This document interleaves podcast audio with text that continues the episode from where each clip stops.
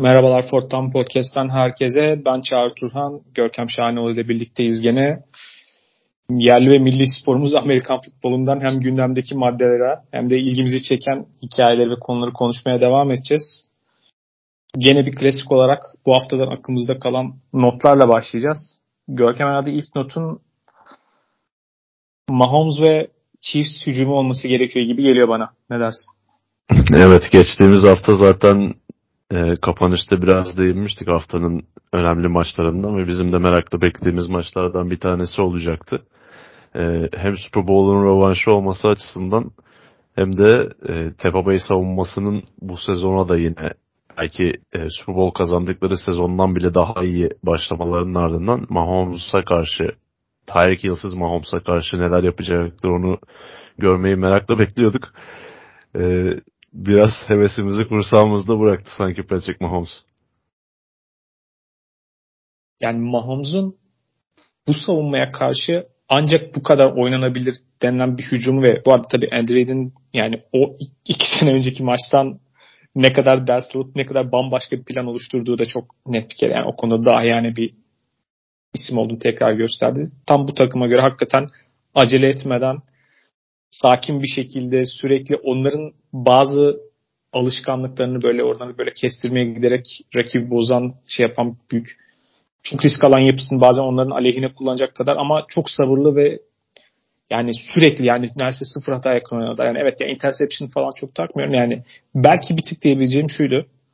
Ee, doğru bazı fırsatları kullanarak böyle birkaç daha derin topla patlayıcı oyun şeyi sayısını arttırabilirlerdi belki. Ama hani çok da kolay değil yani söylemesi kolay ama yapması zor bir şey. Ee, kusursa yakın bir hücum performansı. Yani 41 sayı bulmaların ötesinde bence sürekli bir şekilde Tampa savunmasının kontrolü ele almasına izin vermeden bir şekilde onları, onları kontrolü kendi elinde tutmaya başlar ki her oyun oyuncusu her oyunda bunu yapmaları gerekiyor. Yani her oyunda dikkatli olma, hiç negatif oyun oynamamaları, bir sürü şeyi doğru yapmaları gerekiyor. Yani hata marjını çok az bu takıma karşı. Onu yaptılar. Pek koşmayı becerebilen bir takım değildir. İyi koştular vesaire derken o çok etkileyici. Ama benim hala aklımda en çok kalan not olarak maçtan ya Tampa savunması öyle acayip ki yani hata marjını çok az ve hani Patrick Mahomes işte her şeyi bu kadar iyi yap diyoruz. Yani istatistiklerine bakıyorum 20 yarın ötesinde bir tane pas var. Ve hepsi yakın kısa mesafe paslar. Bu arada hani koşarak aldığı kritik yerlerdeki ilk haklarda çok kıymetli yani müthiş onların hepsi. Ama sanki istatistiğe baktığım zaman ve onun işte pas şartına baktığım zaman onu böyle ortalama bir oyuncu gibi gösteriyor ve çok iyi muhteşem oynadığı bir maçı sonu yani. O da herhalde playoff zamanı geldiğinde bu savunma eğer hücumda bazı şeyleri biraz daha toparlarsa hala NFC'deki sanki en tehlikeli takım yani. Bu e, Tampa Bay defansının yanı sıra aslında biraz e, yeni model Chiefs'in oyun tarzıyla da alakalı. Yani o Super Bowl'un ardından özellikle e, Mahomes ve Chiefs'i bu şekilde oynamayı iten Tampa Bay Buccaneers olmuştu bir bakıma. E, geçtiğimiz sezon bu oyun tarzına e, alışma süreçleriydi. Bu sezon artık Tyreek Hill'in de takımdan ayrılmasıyla birlikte tamamen e, sabırlı oynayan ve daha kısa oynayan bir takıma dönüştü Chiefs ve Chiefs hücumu özellikle. Bunu da e, sebep olan takıma karşı e, belki de en üst düzeyde uyguladıklarını gördük. Yani Tampa Bay defansının da payı var elbette. Yani patlayıcılığını belli noktaya kadar kısıtladılar bu hücumun ama e, Andrew bu defansı daha sabırlı ve metodik hücum ederek yenebileceğini zaten biliyordu ya. Maç 41-31 bitti belki ama yani bundan çok daha rahat bir karşılaşmaymış hissiyatı uyandırdı bende. Yani Patrick Mahomes'un attığı interception tamamen kendi hatası ve kendi e, biraz laballiğinden kaynaklanan bir pozisyondu. Çünkü maç içerisinde de yani o kadar acayip hareketleri var ki ne Mahomes'un o ilk zamanlarındaki Mahomes'a döndüğünü gördük yani tamam patlayıcı hücumlar izlemedik ama yani çok rahat bir şekilde hareket edebiliyordu. Tabii o zamanki e, o hezimete uğradıkları Super Bowl'daki offensive line'a sahip olmamasının da büyük bir payı var. Ama yeniden o özgüvenini kazanmış bir şekilde izledim ben Mahomes'u. Bu arada Cooper Rush 3-0 oldu. Dak Prescott beklerken.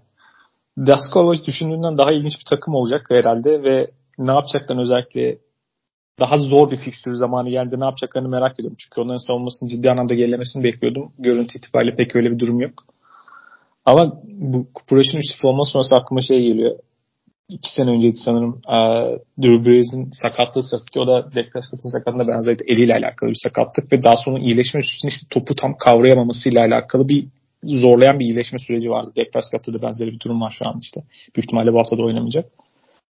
Drew Brees, Teddy Bridgewater bütün maç namal bir şekilde giderken yani daha dönmesi için o kadar acele etmesi gerekmezken bile böyle bir aman bizim durum sıkıntıya mı geliyor diye gaza gelip erken dönmüştü ya aklıma o geldi direkt.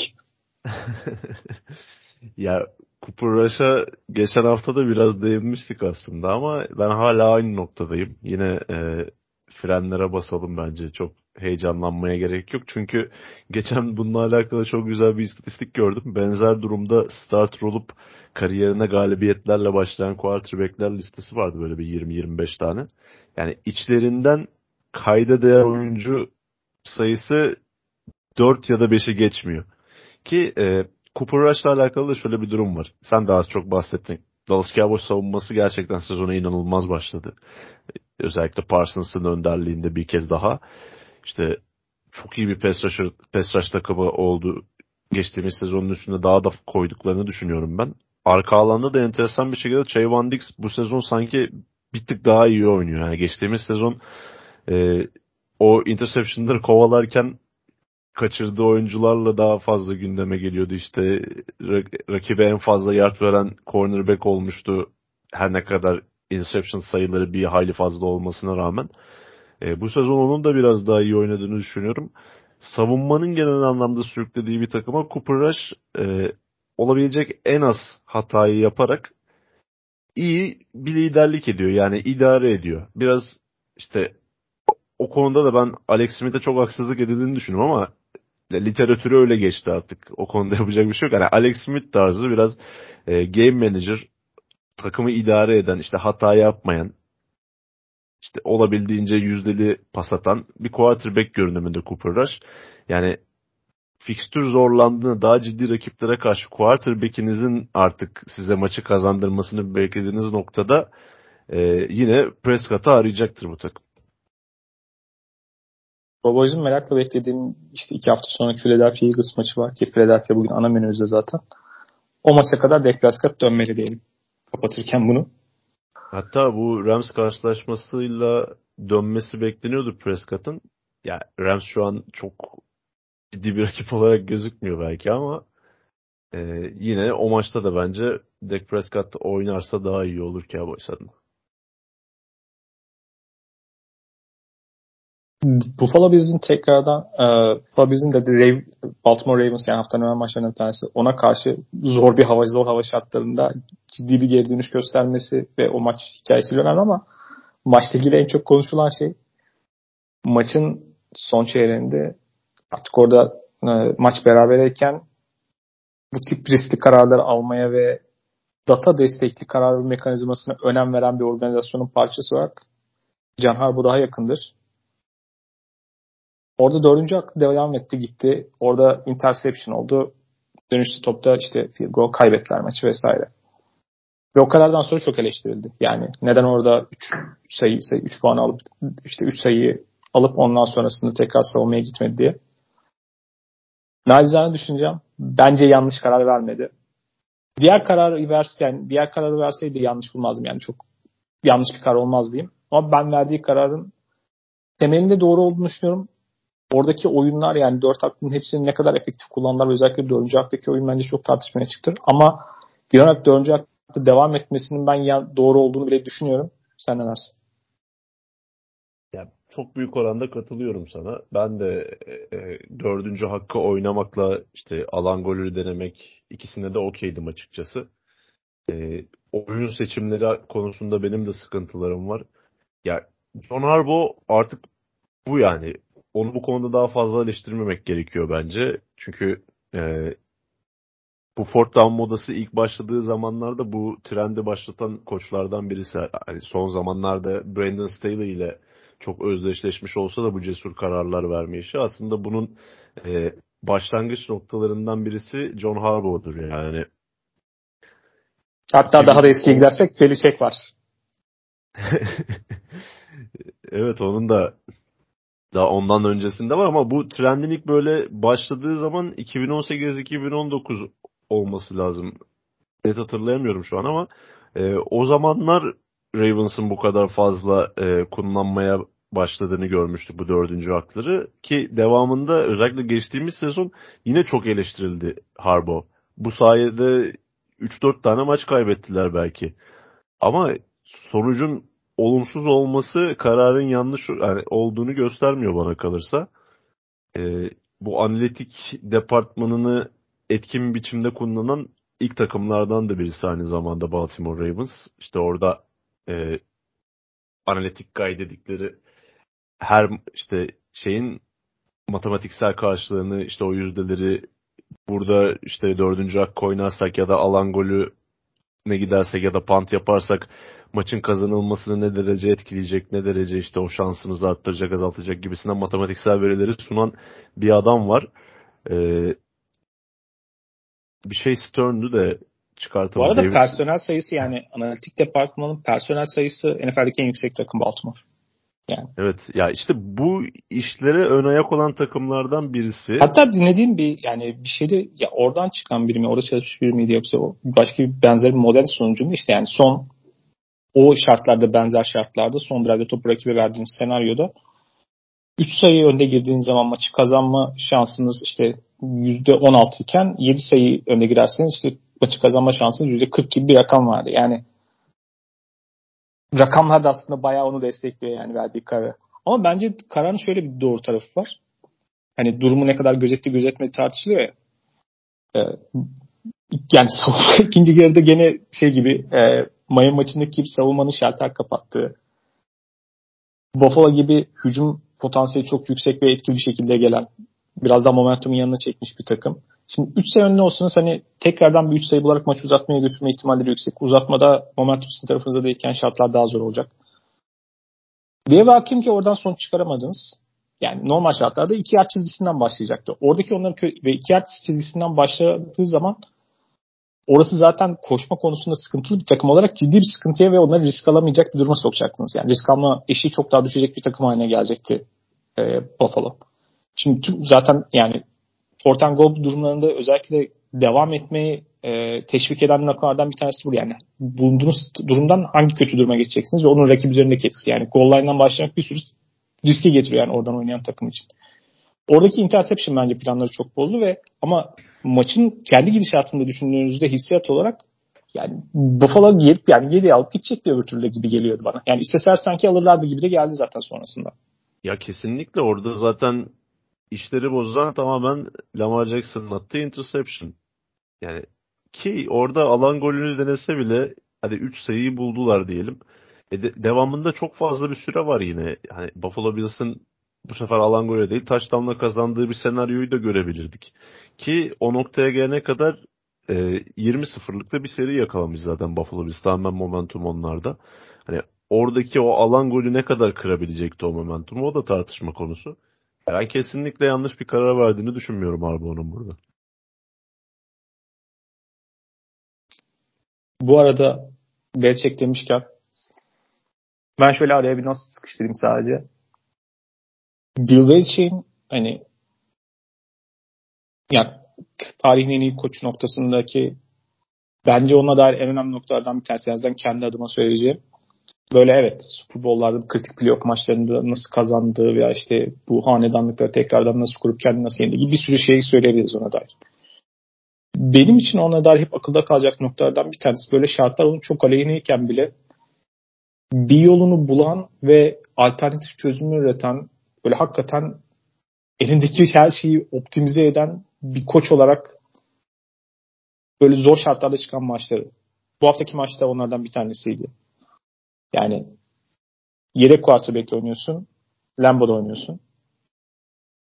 Bu yedek quarterback'in ilk drive'ın sonunda sakatlanıyor. Daha önce hiç görmemiş gerçekten. Liseden gelmiş gibi görünen daha hiç tecrübesi olmayan bir tane çaylak quarterback ilk kez sahip. Yani antrenmanda yani. Temelde antrenmanda da pek onu kullanmamışsın yani hazırlamamışsın. Elindeki hücum malzemesi de sıkıntılı. evet savunma tarafında bir sürü şey yaparak Packers'ı çok sınırladı ve onları zor şartlara itti. Ona ayrı geçiyorum yani. Aaron Rodgers'ı Aaron bu arada gördüm yani benim ilk yarıki Aaron Rodgers daha kötü bir Aaron Rodgers izlediğimi hatırlamıyorum. Talaş senin kariyerinde. En az her maçını izliyorum yani çok uzun süredir. Örneğin hücumda bir şey üretemediğini gördü. Yani Kuarçayla quarterback'inin çok işte biraz da e, heyecanlı ve tecrübesi olmasıyla da alakalı şeyler. Koşu önüne giderken Packers'ın zayıf kalmak için ilk başta istediği koşu bulamadığı zaman 6. offensive line oyuncusunu çoktu. İstediği gibi koştu. Öne geçti. Uzun süre fark açtı. Ya maçı sonuna kadar getirecek şeyleri yaptı. Sürekli special teams'den ki Packers special teams'i batıracak şeyler yapmasını beklediğim bir gruptur. Çok büyük bir hata yapmadılar ve bazı şeyleri iyi yapmalarına rağmen her seferinde field position'dan her kick return'dan 15-20 yard kendisine fark sağlayacak şekilde Packers'taki oradaki kritik ve önemli oyuncuların üzerine hücum etti. Yani onların zayıf noktalarını onların üzerine şey kullanarak kendine avantaj elde etti. Yani field position oyundan sürekli kendine bir avantaj çıkardı. Ya eldeki malzeme kullanırken maçı evet uzatmada bu arada uzatmada tekrardan o field position'ı ele geçirmişti. Bir first down alsalar field goal atıp kazanıp gideceklerdi yani. Gülbeyç'i bu kadar sıra dışı ve özel yapan yani benim hakkımda yazılan kan ve izlemesi benim için bu kadar ilgi çekici getiren noktalardan bir tanesi. Yani bu tip durumlarda bile alternatif çözümler bulmayı ve takımına bir şekilde kazandırma şansı vermesi. Bunu daha iyi yapan biri olduğunu düşünmüyorum en azından kendi gördüğüm süre içerisinde. İşte birkaç sene önceki bir tane gene Covid'den dolayı bayağı eksik oynadıkları. Yine yedek quarterback'le oynadıkları deplasmanda Chiefs maçı vardı. İşte Chiefs'in de şampiyon olduğu sezondan sonraki maç. E, sezon.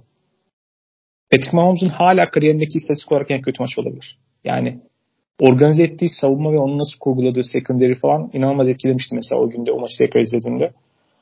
Sadece araya bir not düşün dedim. Yani onu bu kadar özel yapan şeyler sadece kazandığı şampiyonluklar değil.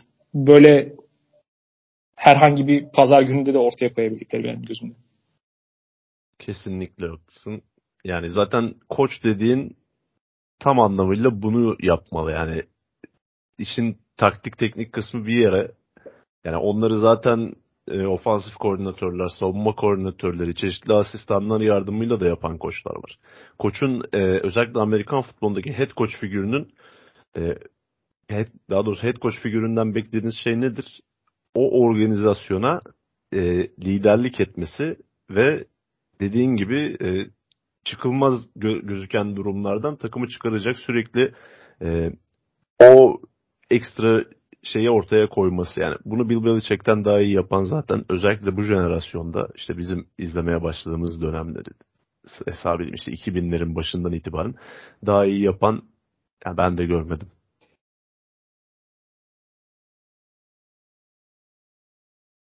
Haftanın sanırım asıl konusu şey girmeniz gereken Şu anın Tua Tagovailoa'nın yanlış şeyler söyledim çünkü. Sürekli artık Tua dediğim için soyadını telaffuz etmeyi ben de unuttum. Tagovailoa. Tagovailoa. Okey.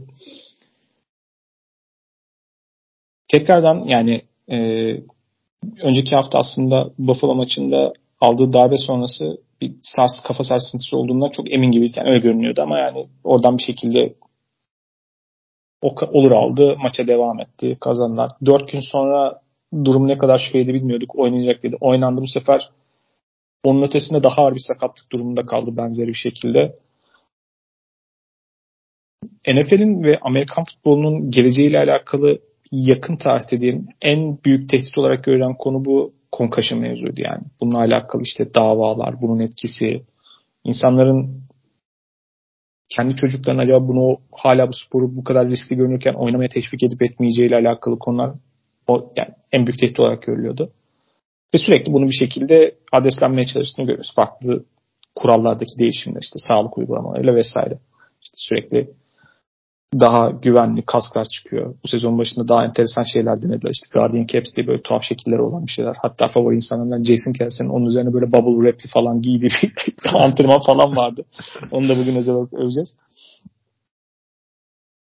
İşin bu tarafı. Ama bu yani concussion mevzunun gidişatı itibariyle böyle sanki bu hafta yaşananlar e, bir özel bir çarpı atarak böyle ya, zamanda onun gelişiminde olaylar zincirinde bir de bu nokta var diye atılacağınız bir olay olarak kalacak gibi çünkü ona dikkat çekme üzerinde Ee, şöyle bir rakam vardı. Önceki hafta concussion protokolde toplam 3 oyuncu girmiş.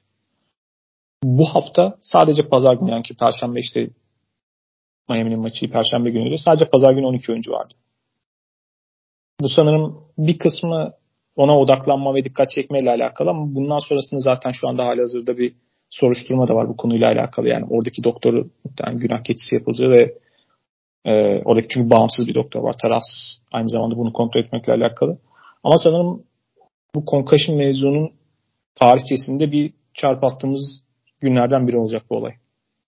O doktorun işine son verildi zaten.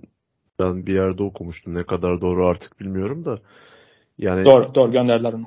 Ama yani dediğin gibi günah keçisi olmasından başka çok da bir faydası olmayacak. Çünkü sadece o doktorun işine son verilmesiyle e, ödenecek bir diyet yok ortada. Yani bu zamana kadar NFL'in bu concussion durumlarına yaklaşım biçimi, ele alış şekli e, her ne kadar devamında ortaya çıkan sonuçlar biraz sıkıntılı gözükse de ya, en azından bir protokol var diyebiliyorduk. Yani uygulanan bir şey var. E, kağıt üzerinde sistem olarak işleyen bir sistem vardı. Ancak Tua Tagovailoa'nın Buffalo Bills karşılaşmasındaki görüntüsünden sonra ben sahaya döndüğünü görünce şok oldum. Yani bu oyuncuların concussion geçirip geçirmediğinin anlaşıldığı muayeneler sadece işte e, belli başlı teorik şeylere göre yapılmaması gerekiyor. Yani orada Tua'yı o şekilde gören her insan onun zaten beyin sarsıntısı geçirdiğinden %100 emindi. Yani sen o görüntüden sonra adama işte birkaç soru sorup göz bebeklerine baksan işte tamam bir şey yok kendini iyi hissediyor musun? Evet hissediyorum tamam oyna o zaman. Yani bunun olmaması gerekiyor. O görüntüyü verdikten sonra yani ne olursa olsun Tuan'ın o karşılaşmaya dönmemesi lazım. Şimdi bu karşılaşmanın devamında e, o protokol ne kadar uygulandı onu da bilmiyoruz.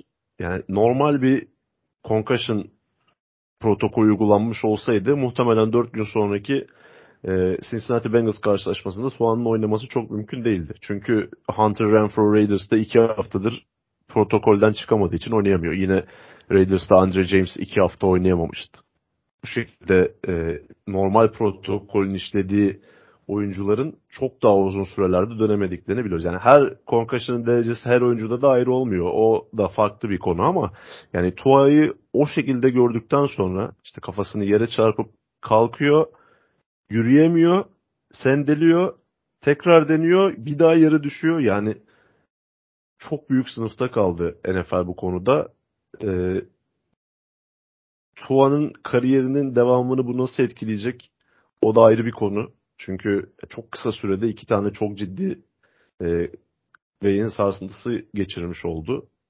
Ve muhtemelen de biraz işte kamuoyunun gazını almak için bu hafta oynamayacağını açıkladı e, Mike McDaniel Tua'nın. Ama işte hayatının geri kalanında bu ona nasıl bir hasar bırakmış olacak? O e, ayrı bir noktası için. Ama en azından yani olumsuzluktan bir olumlu bir şey çıkarmamız gerekiyorsa e, dediğine katılıyorum. Bu bir dönüm noktası olacaktır NFL'in concussion protokolleriyle alakalı. E, bu incelemenin, araştırmanın sonucunda da e, daha farklı bir yapının getirileceğini düşünüyorum ben açıkçası.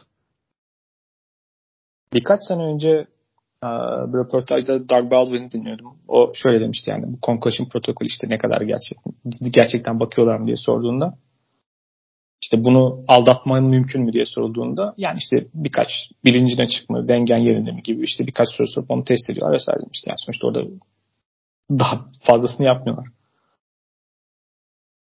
Çok ağır değilse ve oyuncu gerçekten oynamak istiyorsa bir şekilde onu aslında aldatmanın yolunu bulabilir diyordu. Yani işin oradan bir açığı var. Diğer taraftan şu. Oyuncuların mümkün olunca kendi inisiyatifini bıraktığınız bir noktada oyuncunun zaten hani o adrenalinle veya rekabetçilikle beraber oynamak istemesinin ötesinde şöyle bir durum var. NFL dediğiniz yer sahadaki performansınız kadar halihazırda bir şekilde o sahada olabilmenizin de önemli olduğu bir yer. Yani orada herkes zaten sakat sakat sürekli oynar ve sakat sakat oynamanın da yüceltildiği bir yer.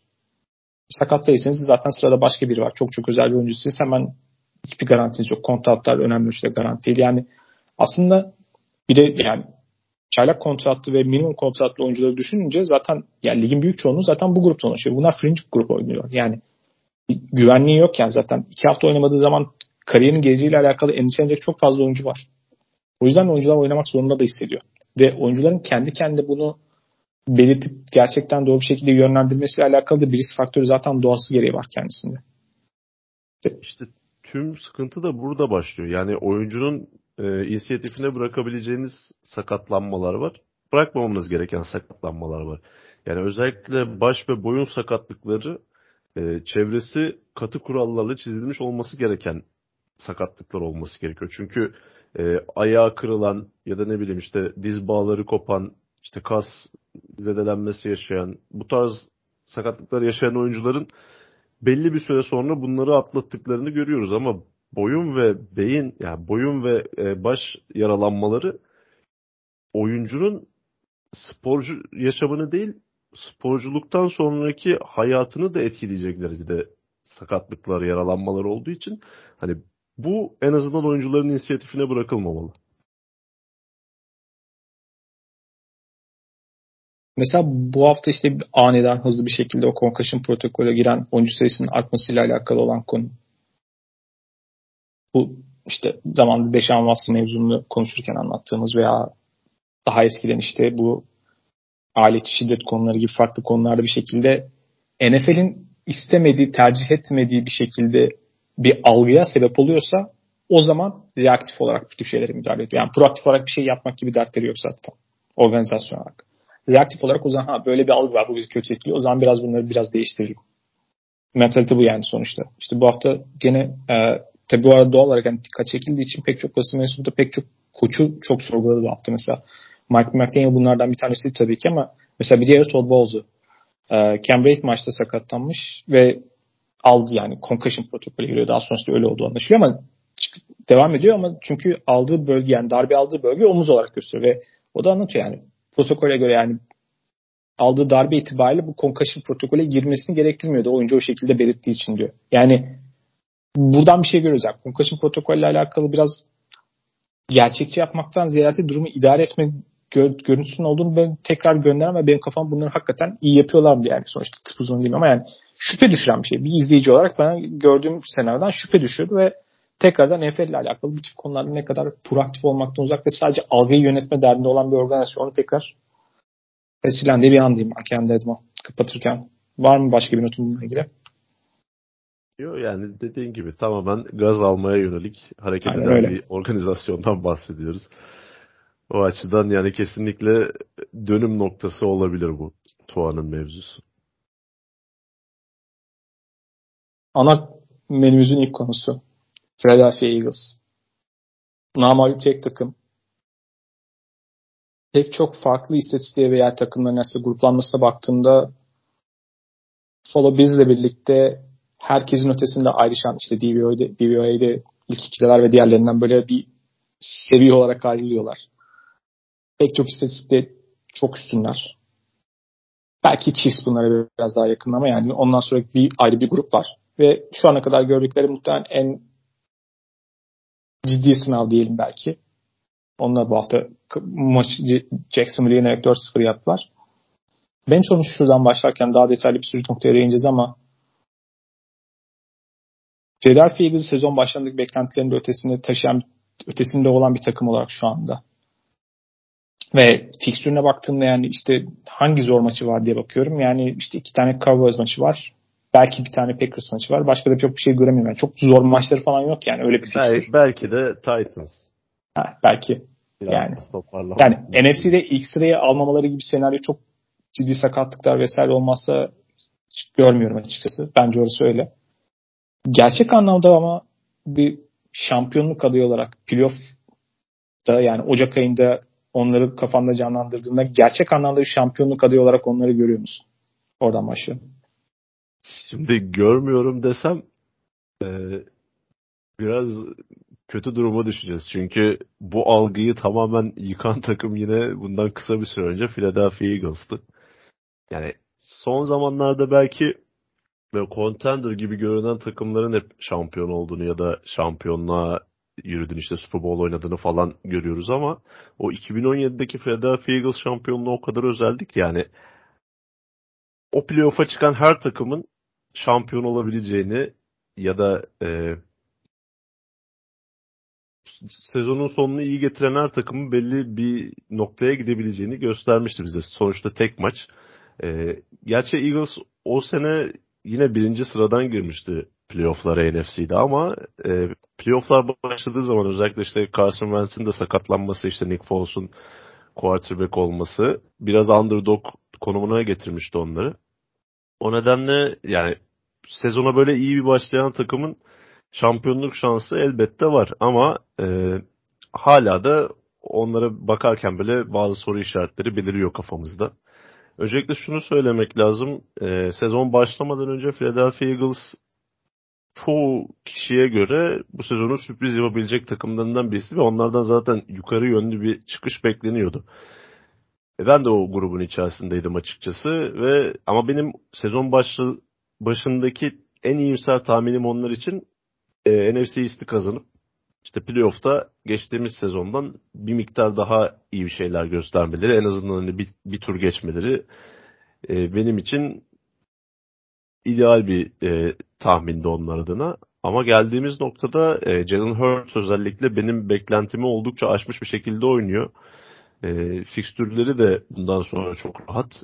Yani NFC'yi kazanmalı, NFC isti geçtim. NFC'yi kazanmaları için bir neden yok artık. Ee, ama işte yine bütün her şey Jalen Hurts'e bağlı olacak. Çünkü onun gittiği kadar gidebilecek bir takım görüntüsündeler. E bu şu demek değil. Hani kadroları zayıf değil. Ama işte quarterback çok önemli ve e, Jalen Hurts de oyunuyla sizi vezir ettiği gibi yeri geldiğinde rezil de edebilecek bir quarterback. Mesela geçtiğimiz sezon işte playoff karşılaşmasında Tampa Bay'e karşı oynadıkları maçı hatırlayacak olursak. Ama bu sezon etrafındaki e, destek mekanizmasının da çok daha iyi olduğunu söylemek gerekiyor. Özellikle e, Philadelphia Eagles offensive line'ı e, Detroit Lions'la birlikte ligin en iyi iki offensive line'ından birisi bana kalırsa. Özellikle bu karşılaşmada işte Mailata'nın sakatlanıp oyun dışı kalmasından sonra oyuna giren yedek sol tackle'ın da ne kadar iyi olduğunu gördük. Yani hem bir arada oynama bakımından hem de kalite bakımından gerçekten çok önemli bir offensive line'a sahipler. İşte AJ Brown'un da takıma gel katılmasıyla birlikte wide receiver grubu da birden e, birkaç seviye atlamış durumda. İşte Devante Smith yeri geliyor. İşte göremiyoruz onu hani kullanım oranı falan düşüyor ama bir maçta bir çıkıyor böyle işte Washington maçında olduğu gibi. Ya diyorsun bu adamlarda ne güzel receiver'lar varmış.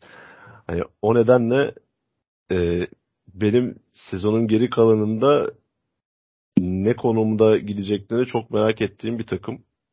Yani 3-4 karşılaşmadan fazla kaybederlerse normal sezonda şaşırırım bu fikstürle. Belirttiğin o destek mekanizması burada şu an görüntü itibariyle en belirleyici olan ve başarılı olan durum gibi gözüküyor. Çünkü Çaylak kontratındaki bir quarterback'le alakalı işte o destek mekanizması, offensive line'ın işte skill pozisyondaki oyuncuların onun geçişini ve gelişimini kolaylaştırması. Çünkü o geçiş sürecinde genelde oyuncuyu kaybediyorsunuz. Onu oyuncuyu kazanarak devam etmenin kritik parçalarından bir tanesi hep bu kalıyor. Ama onun da ötesinde bu Philadelphia'nın bize gösterdiği şeylerden bir tanesi yakın dönemde. Bu hakikaten kaynaklarınızı geri kalan yere aktararak o dönemde aslında kendinize bir şampiyonluk penceresi yakalayabilmenizle alakalı. Önceki şampiyonluk da böyle geldi zaten. Şimdi Jalen Hurts'un özelliklerini düşününce onun için doğru destek mekanizmasında oyuncular olduğunu düşünüyorum. Yani tabii ki onun koşabilme becerisini kullanacak ve onu destekleyecek bir koşu oyunu organize edilmesi. AJ Brown'un bence gerçekten başka receiver'ların kontratlarına ve işte takas şeyine bakarak baktığımda yani gerçekten bazı takımların ki çok onlar için ideal bir oyuncu olmasıken bunlardan bir tanesi de Packers tabii ki. Niye bunu bu oyuncuyu bir şekilde takasa almadığını anlayamadığım ve bir oyuncu. İşte AJ Brown ve Devonta Smith oraya koyduğun şöyle bir faktör var. Jalen Hurts'un direkt olarak çok net bir drop back oyunu oynamasına gerek kalmadan topu playmaker'ların eline çok kısa mesafe vererek onların mesafe kaydetmesini kolaylaştırıyor. Bunlar yani birinde inanılmaz bir iz var. Diğerinde de hız üzerine bir de inanılmaz bir güç var. Yani topu onların eline handoff yaparak veriyorsun onlar gidiyor zaten. başka şeyler de yapıyorlar. Ve o hata marjını o kadar yukarı çekiyor ki onlara pas ayınları kullandığın zaman da yani işte o bir şekilde topu tutma e, çapları çok geniş. Bir şekilde onun etrafına bir yere atıyorsun ve yani doğru zamanlamayla ve doğru noktaya atman gerekiyor. Yani isabet oranı orada çok kritik, çok ince bir aslında şey var. Onu çok genişletiyorsun. Hata marjını çok geniş bir hale getirdiğin zaman quarterback'le başka özellikleri de olduğu zaman bir anda orada bir pencere açıyor. Şu an offensive line var. Offensive line zaten koşu oyunu ve bir sürü şey seni rekabetçi yapmak üzerine kurulu. Savunma tekrardan kendini doğru bir şekilde yatırımlar almıştım yani. Bir defensive line ve edge zaten yani bir şekilde oradaki yoğunluk önem verdiği pozisyonu zaten Philadelphia'nın yakın dönemde değil ama yani Fletcher Cox belki Steve Thomas da hala orada.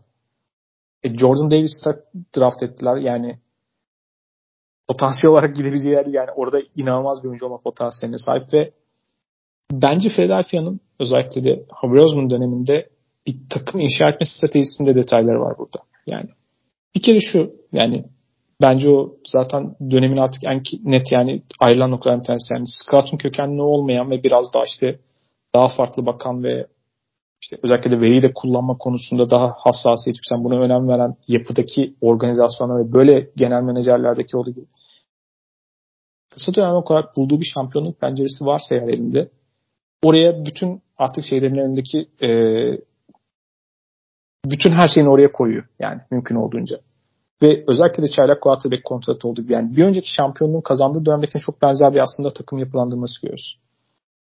Orada da yapılan yani offensive line gene iyiydi. Defensive line yatırım vardı. İşte defensive line'de mesela önem verdikleri pozisyon ortadaki oyuncu kapatacak yani. O zaman zamanda Fletcher Cox vardı oradaki en kritik oyuncu olarak. Şimdi mesela oraya Fletcher Cox aldı belki o seviyede ama işte Jordan Davis aldılar özellikle ki o edge pozisyonuna göre gerçekten en elitin daha nadir bulabileceğiniz ve rakip savunmaları playoff zamanı daha çok canını sıkabilecek pozisyonda bir oyuncu. Yani daha bir farklı bir değeri var. Örneğin bunları yaptığını görüyoruz. Mesela Tayland pozisyonuna hep önem veriyorlar. Sürekli orada yani e, hücum tehdidi yüksek Taylandleri bulundurmak istiyor. İşte kadroda Dallas Goddard var. Diğer taraftan bakıyorum offensive line'e mesela center pozisyonları için ayrı önemli şey. Yani Jason Kelsey yine bu maç inanılmaz yani maç tamamen ters taraftayken yani bir drive var. Yani tek başına sürükledi. Aldı. Hani o bıraktığı zaman bu bırakacak mı diye beklenti yani bu sezon belki son sezon olmuş yani bu sezon şu halde bu adam nasıl son sezon olsun yani inanılmaz oynuyor. Ve arkasına gene daha ikinci turdan Cam Jurgens draft ettiler. Yani benzer profilde ve o pozisyon onlar için kritik olduğu için mesela onun yedeğini bulundurmak da onlar için anlamlı. Mesela quarterback konusunda da önceki dönemde işte e, Nick Foles vardı yedek olarak. Mesela şu anda da yedek olarak Garner Minshew var yedek olarak. Yani quarterback pozisyonunda mesela daha kalabalık tutmaya oradaki derinlik bir şekilde onlar için önem ifade ediyor. İşte kadronun bir anda secondary'de sıkıntıları vardı. Oraya ciddi takviyeler yaptılar biraz. Fırsat varken ve özellikle de şampiyonluk penceresini hissettiği zaman işte başka takımlarda belki kariyerin sonunda olan veya bir şekilde sıkışmış kendi için biraz daha kelepir ama hala kıymetli işte oyuncuları bir şekilde kabloya katma gibi fırsatlar oluyor yani. İşte ucuza bir şekilde işte New Orleans'tan bence 3 kuruşa CJ Garner Johnson'ı getirdiler. Arka tarafı toparlamak adına. İşte New York Giants'ın de kendi kontratını yönetmek için James Bradbury'yi getirdiler gibi. Gardner Johnson transferi sezonun başlamasında bir ya da iki hafta kala yapılan bir transferdi yani. Özellikle off-season başladığı dönemde Howie Roseman'ı çok eleştiriyorlardı. Neden hiç işte hamle yapmıyor. Bir yanlış hatırlamıyorsam Hasan Reddick'i almışlardı. Onun dışında tamamen sessiz geçen bir off-season vardı Philadelphia Eagles adına. İşte herkes ilk turdaki 3 hakka sahip olmasından dolayı biraz daha pasif davrandıklarını falan düşünüyordu. Zaten biri takas ettiler sonra... yine draftta da. evet evet ondan sonra draftla birlikte öyle hamleler gelmeye başladı ki birden Philadelphia Eagles'ı off-season şampiyonu ilan ettik yani. Çünkü o kadar güzel ve e, teşhis edilen yerlere hamleler geldi ki işte AJ Brown mesela e, bu üç hakkı da kullanmak zorunda olmadığının farkındaydı Howie Roseman. Ve gidip oraya bu takımın hücumda en ihtiyaç duyduğu oyuncuyu aldı belki de. Ee, geçtiğimiz bölümlerde de biraz bahsetmiştim. Jalen Hurts'un çaylak sezonundaki daha doğrusu geçen sezonki en büyük sıkıntılarından bir tanesi sahanın ortasında pas atmaktaki sıkıntısı ya da sahanın ortasında isabetli pas atmaktaki sıkıntısıydı. E bunu da AJ Brown'dan daha iyi e, çözebileceğiniz iki tane oyuncu var. Cooper Cup ve Divo Samuel. E, Divo Samuel da gerçi e, adı takas dedikodularında çıkmıştı ama e, alınabilecek en iyi adamı aldılar. Yani lige bu oyuncular lige girdiğinden beri e, içe kırılan rotalarda, slantlarda, crosser'larda e, en çok yard kazanan 3 oyuncudan birini aldı e, Howie Roseman. Onun dışında savunmada e, fırsat transferleri yaptı dediğin gibi işte James Bradbury ve CJ Gardner CJ Gardner Johnson direkt al takıma koy oynasın tarzında oyunculardı ki iyi de performans veriyorlar. Zaten ellerinde Darius Slay gibi ligin en iyi cornerbacklerinden birisi var. Yani kadro inşası bakımından hani biraz bizim Türk takımlarına da benzer bir durum oldu burada. Hani fırsat transferi yapacağız. Sonlara doğru işte neler neler düşecek. Hakikaten öyle de oldu yani. Ee, ya bir önceki yani o şampiyonluk periyoduyla bence benzeşmesi yani hakikaten gene akşam pazarından onlar için belki ana merkezdeki en kritik olmayan ama diğer toparlayabilecekleri ve eksiklerine direkt nokta atışı şeyler bulmaları bence bir önceki yapıyla ve inandıkları bazı şeyler var. İşte bazı pozisyonların değeri, bazı şeylerin önceliklendirilmesi gibi. Onları bir şekilde tekrar etmek konusunda kendi net prensipleri olan ve bunu devam ettiren bir organizasyon. Yani işte Carson Wentz'le alakalı çıkış olduğunda çok hızlı bir şekilde her bütün taşları oradan geri çektiler. Şimdi şu anda bir fırsat bence hissettiler ve her şeyi tekrardan geri yüklüyorlar. Yani doğru yanlış ayrı mevzu ama kendi bildikleri bir şeyler var, inandıkları bir şeyler var ve onu o konuda yani tekrardan yani bir, bir önceki zamanda gördüm. Yani birkaç yıl önce gördüm. Şu an tekrarını görüyoruz. Yani onu tekrardan devam ettiriyor. Yani inandıkları şeyler. Onun devamı var. Tam ona değinmek istiyordum ben de. Yani aslında burada biraz e, alışıla gelmişin dışında da bir yapılanmadan söz etmek gerekiyor. Çünkü e, 2020 yılında işte Carson Wentz'i takasla gönderdiler. Doug Peterson'ın görevine son verdiler. O takım e, tam anlamıyla şampiyonluğu kazanan takım olmasa da hala kazanma penceresi olan bir takımdı ve birden bütün yapıyı yıkıp yeniden inşaya gittiler. Bu aslında çok da riskli bir e, karardı. Çünkü e, hatırla yani Javier Osman ikinci turdan Jalen Hurts'u draft ettiğinde takımın altına dinamiti koyan isimdi bir bakıma. Yani o, o seçimi bu rebuilding'i düşünerek mi yaptı onu bilemeyiz tabii ki ama e, Carson Wentz'in çıkarttığı tüm sorunların temelinde yatan aslında ikinci sıradan, ikinci turdan yapılan Jalen Hurts e, draftıydı. Çünkü daha Carson Wentz'e yeni e, kontrat vermişlerdi. E, ben yakın zamanda bu tarz bir durum açıkçası hatırlamıyorum. Yani takımda belli bir franchise quarterback varken yüksek turlardan backup draft edildiğini daha önce gördük. İşte New England Patriots Jimmy Garoppolo ile yaptı bunu. İşte Green Bay Packers Jordan Love'la yaptı. E, bunlar belki Tom Brady ve Aaron Rodgers'ı e, ekstra motive eden durumlar oldu ama Carson Wentz'i tam tersine bitiren bir hamle olmuştu Jalen Hurts hamlesi. Ki e, Howie Roseman da o zamanki seçimini şöyle savunuyor. E, quarterback pozisyonu çok önemli. Yedek quarterback pozisyonu da en az az quarterback'iniz kadar önemli ve e, Jalen Hurts gibi günümüz oyununa uygun yani atletizmi sayesinde yeri geldiğinde ayaklarıyla da bir şeyler yapabilen, işte yoktan pozisyonları var edebilecek bir oyuncuyu yedek olarak ucuz bir e, kontratla tutabilmek çok önemliydi demişti. E, belki onlar da e, Jalen Hurts'u franchise oyuncuları olsun diye draft etmediler ama günün sonunda Jalen Hurts franchise olacak konuma geldi ve e, gö- gösterdiği gelişim zaten biraz onları da ikna eden noktalardan bir tanesi. Çünkü e, ben Jalen Hurts'un kariyerini NCAA'den beri çok yakından takip ediyorum Alabama oyuncusu olmasından dolayı. O dönemlerde de hatırlıyorum. Yani Hurts'la alakalı söylenen en önemli övgü müthiş bir lider olması. Yani 17 yaşında takıma geliyor ve yani o yaşta kendini bütün takıma dinlettirecek derecede bir e, liderliğe ve çalışma etiğine sahip bir oyuncu olduğundan bahsediliyordu sürekli ki e, modern Alabama tarihinde de freshman yılında starter olan ilk oyun kurucu yani 1980'lerden beri freshman takıma gelip de starter olan herhangi bir oyun kurucu yoktu. Yani Hurts'u o zamanlar izlediğiniz zaman çok e, eksiği olan bir oyuncu olduğunu görebiliyordunuz. Yani pas yeteneği çok az gelişmiş diğer özelliklerine göre ama kendini öyle adamış bir oyuncu ki hani bunu hem sağ içinde hem sağ dışında zaten görebiliyorsunuz. Kısa sürede fazla mesafe kat edebilen bir oyuncu oldu yani ben şahsen çok severim, seviyorum Jalen Hurts'u ama hiçbir zaman NFL'de başarılı olabileceğini düşünmüyordum. Her ne kadar e, çalışmaya aç, öğrenmeye aç ve belli bir yeteneğe sahip oyuncu olsa da ama geldiği nokta hani beni şaşırtıyor. Daha iyisi de olabilir. Jalen Hurts demişken e, ilkokul yani galiba çok uzun süre sonra ilk kez iki yıl üst üste aynı play caller'la çalışıyor yani. Çünkü sürekli bir değişiklik olmuş. Hem kolejde de işte Oklahoma'ya transfer olması da faktör. Sanırım lisede en son ve orada da galiba zaten babası koçu değil mi yani zaten? Evet. Öyle bir şey var. Bu arada yani öyle böyle bir askeri disiplinin üzerinden daha ötesinde bir durumda yetiştiği için yani işte öyle bir babasıyla da ilişkisi var.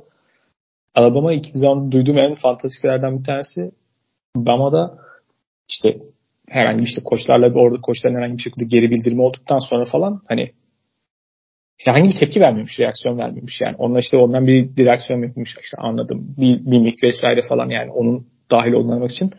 Böyle bir şey değil zaten otomatik bir şey onda yani. Koçlar onun bu iletişim onun da yapması gerektiğini anlatması onlara biraz zaman almış yani.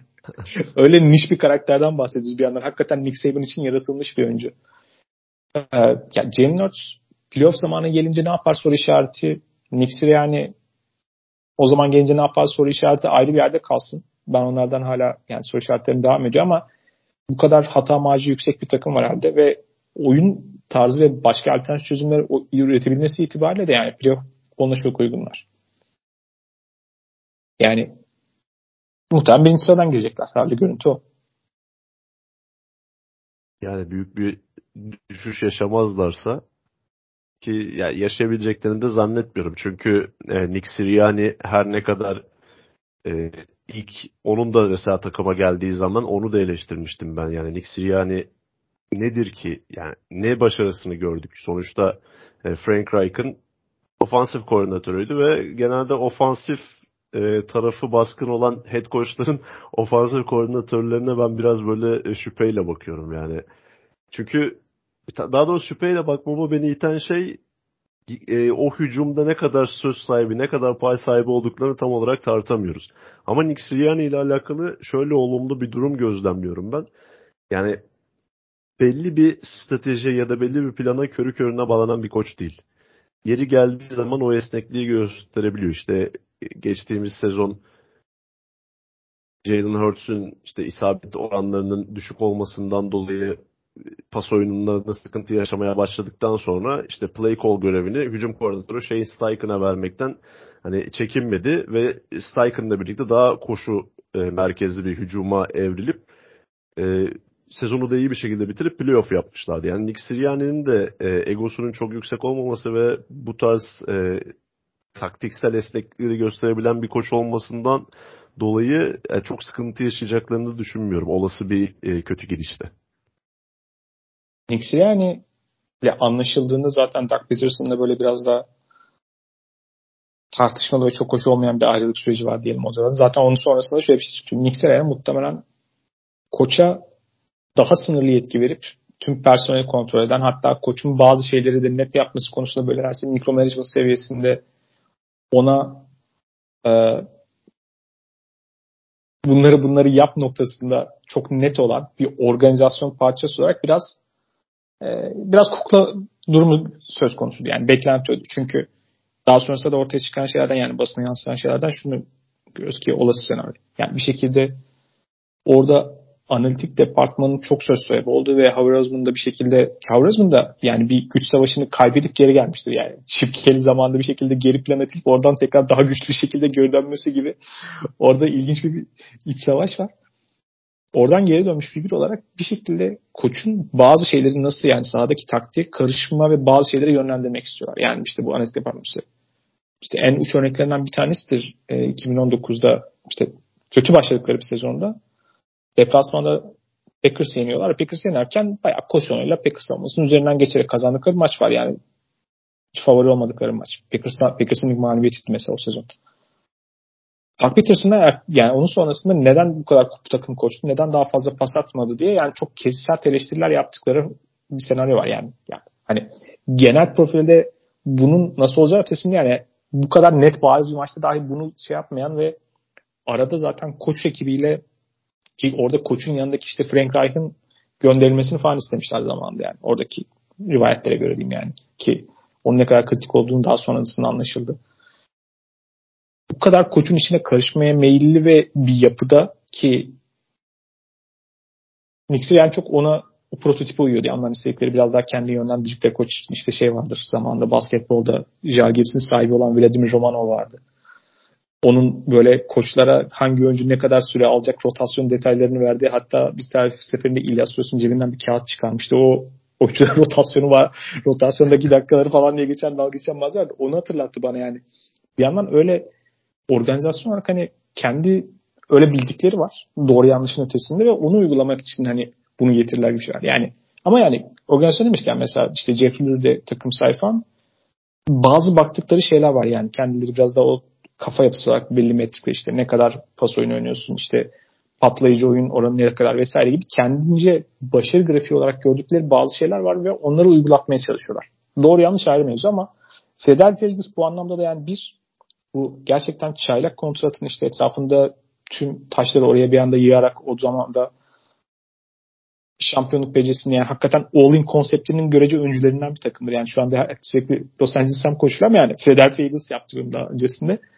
Hem bu noktada bu gibi farklı yaklaşımlarla beraber biraz genelin dışına yani ana sürünün dışında bir takım yani her açıdan. Hani Sirian'ın o kendi içinde çok oturmayan ve ikna etmeyen bir şey yanı olsa bile kendileri organizasyon işte baktım mesela bahsettiğimiz kablo yapılanması gibi bir tutarlı tarafları var yani. Organizasyon olarak biraz farklı bakıyorlar genel olarak. Temsil ettikleri şehir zaten diğer 31 takımdan daha farklı bakıyor futbola. Yani Philadelphia zaten e, profesyonel spor takımlarının e, oynamasının zor olduğu bir e, şehir. Taraftarları da o şekilde yaklaşıyor. E tabi e, organizasyonun da farklı olması beklenemezdi. Yani Jeff Lurie tam böyle bir Aziz Yıldırım işte Jerry Jones gibi olmasa da o da hani aslında takıma fazlasıyla karışan bir takım sahibidir. Özellikle bu draft seçimlerinde Howie Roseman'la ortak karar verdikleri söyleniyor sürekli. Hatta e, bu son yıllarda yaptıkları fiyasko receiver seçimleriyle alakalı Jeff Lurie'nin açıklamaları vardı. E, şu ikinci turda işte DK Metcalf'in önünde JJ Arcega-Whiteside'ı draft ettikleri bir yıl var. İşte o zaman onu soruyorlar. Jeff Lurie gayet samimi bir şekilde yani DK Metcalf'in hiçbir zaman hedefledikleri oyuncu olmadığını rahat bir şekilde söylüyor. İşte orada bizim seçmeyi düşündüğümüz oyuncu işte Arcega Whiteside'la Paris Campbell'dı. Bu ikisi arasındayız zaten. Hiçbir zaman DK Metcalf'ı seçmeyecektik diyebiliyor yani.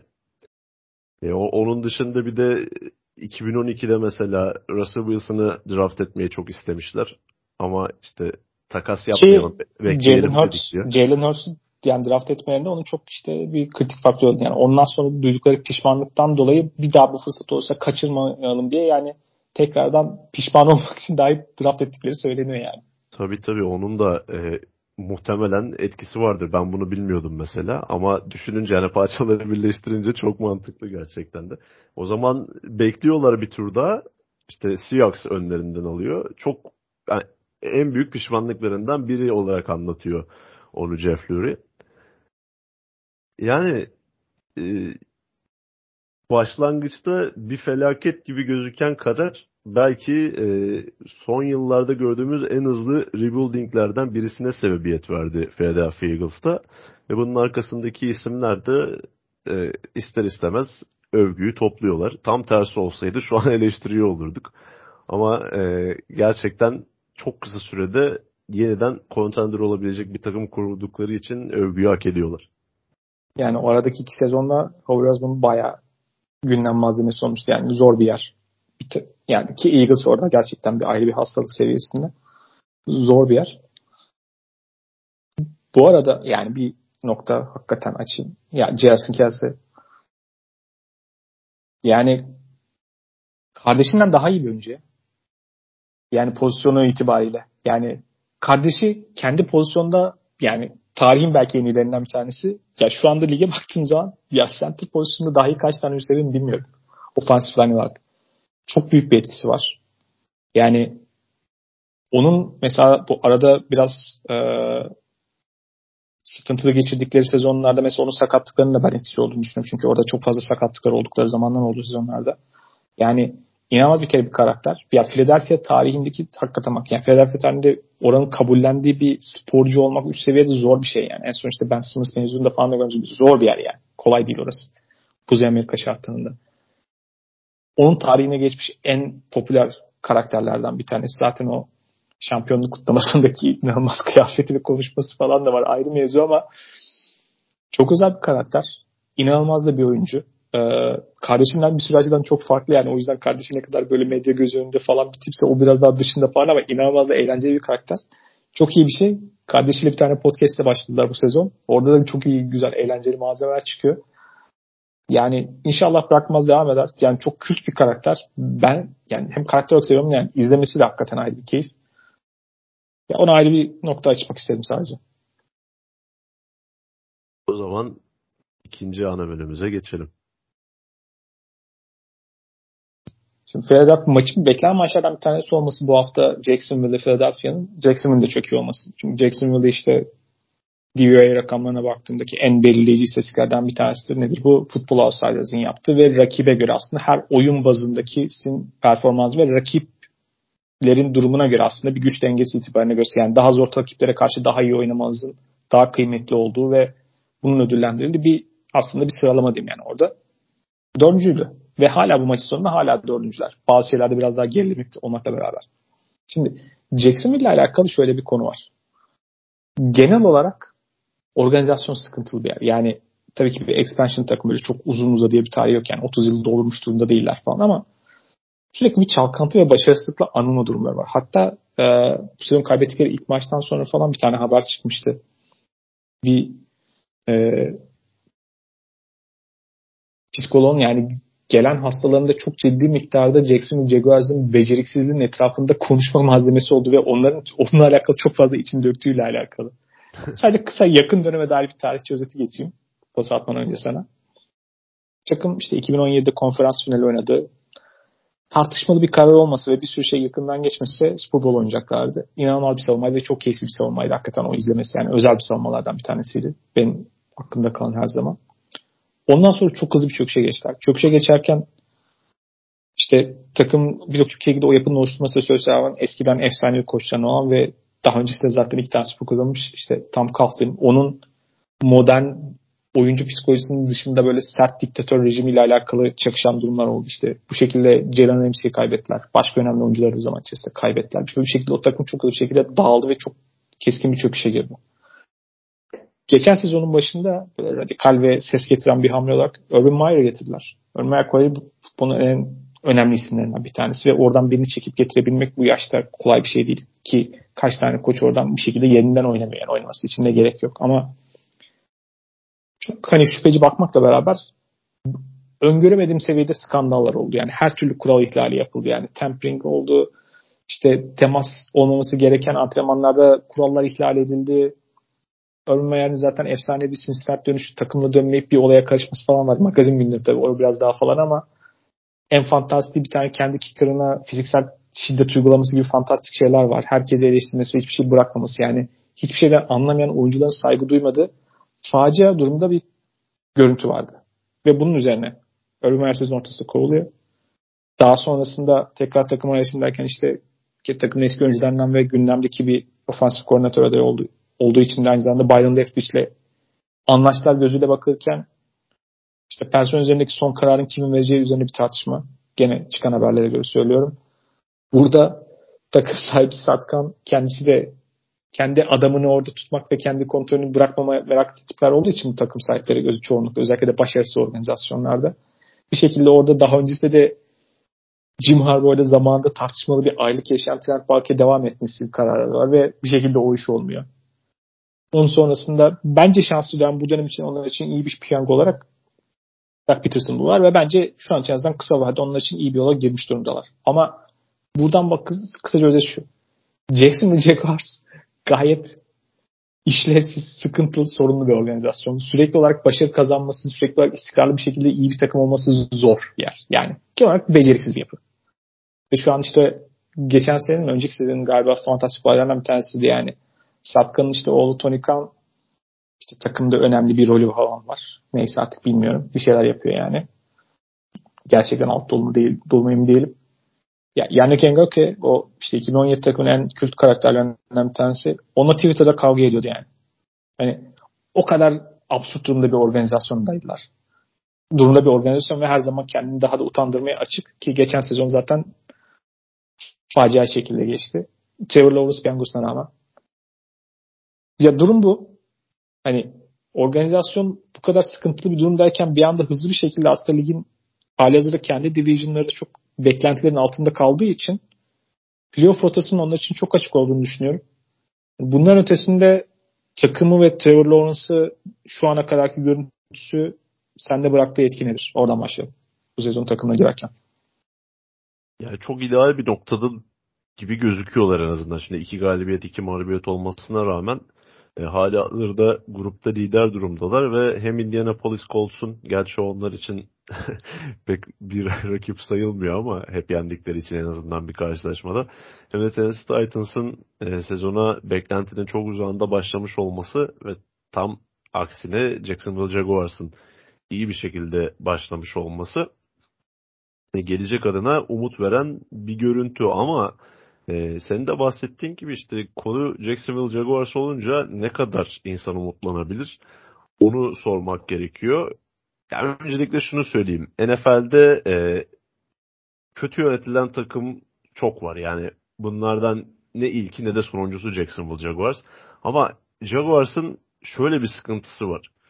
Yani tamamen olaydan bir haber olduğunu düşündüğüm bir takım sahibine sahipler ve üst üste bir öncekinden daha büyük hatayı yapmaya başaran bir takım sahibi bu aynı zamanda. Yani mesela uzun süredir böyle kötü olan işte Cleveland Browns, e, işte New York Jets, Las Vegas Raiders, işte Oakland zamanları. Yani üst üste böyle en az 10 sene, 15 sene kötü sezonlar geçiren takımları e, baz alırsak. Hani bir şeyler yapmaya çalışıyorlar.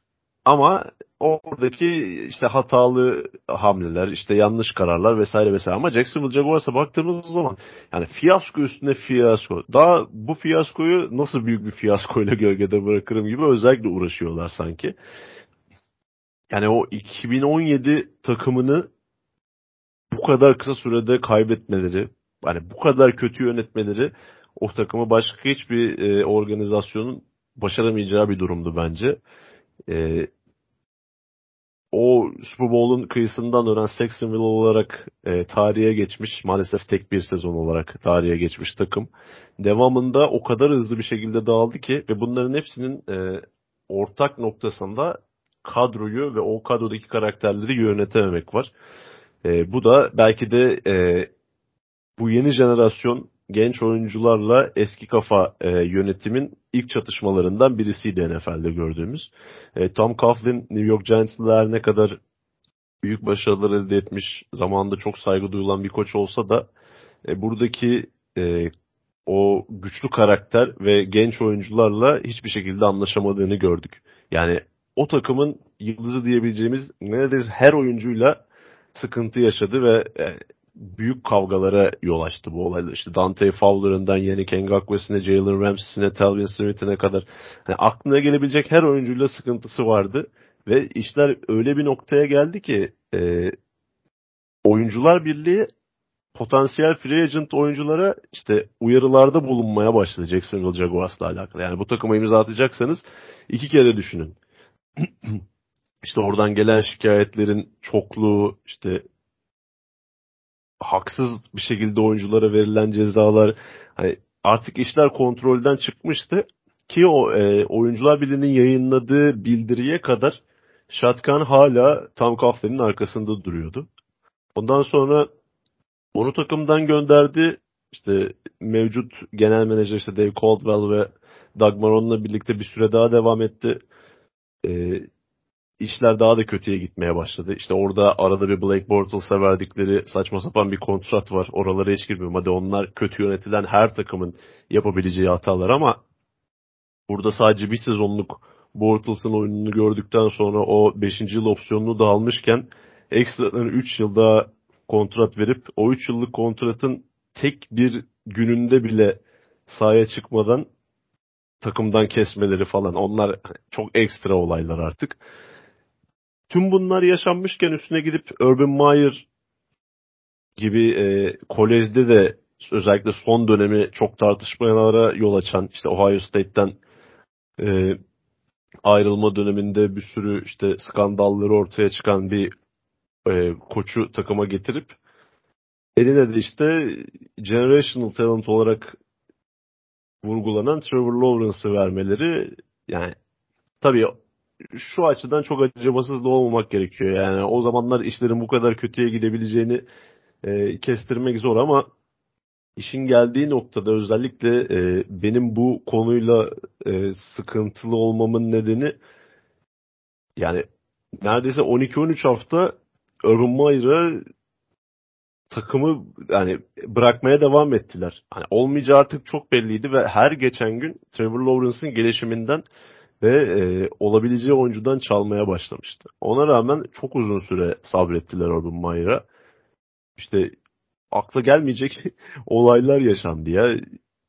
E, oyuncularını tanımıyor. İşte şeyde bir basın konferansında işte James Robinson'ın neden oynatılmadığı ya da az oynatıldığı soruluyor. İşte running back koçuna sorun diyor.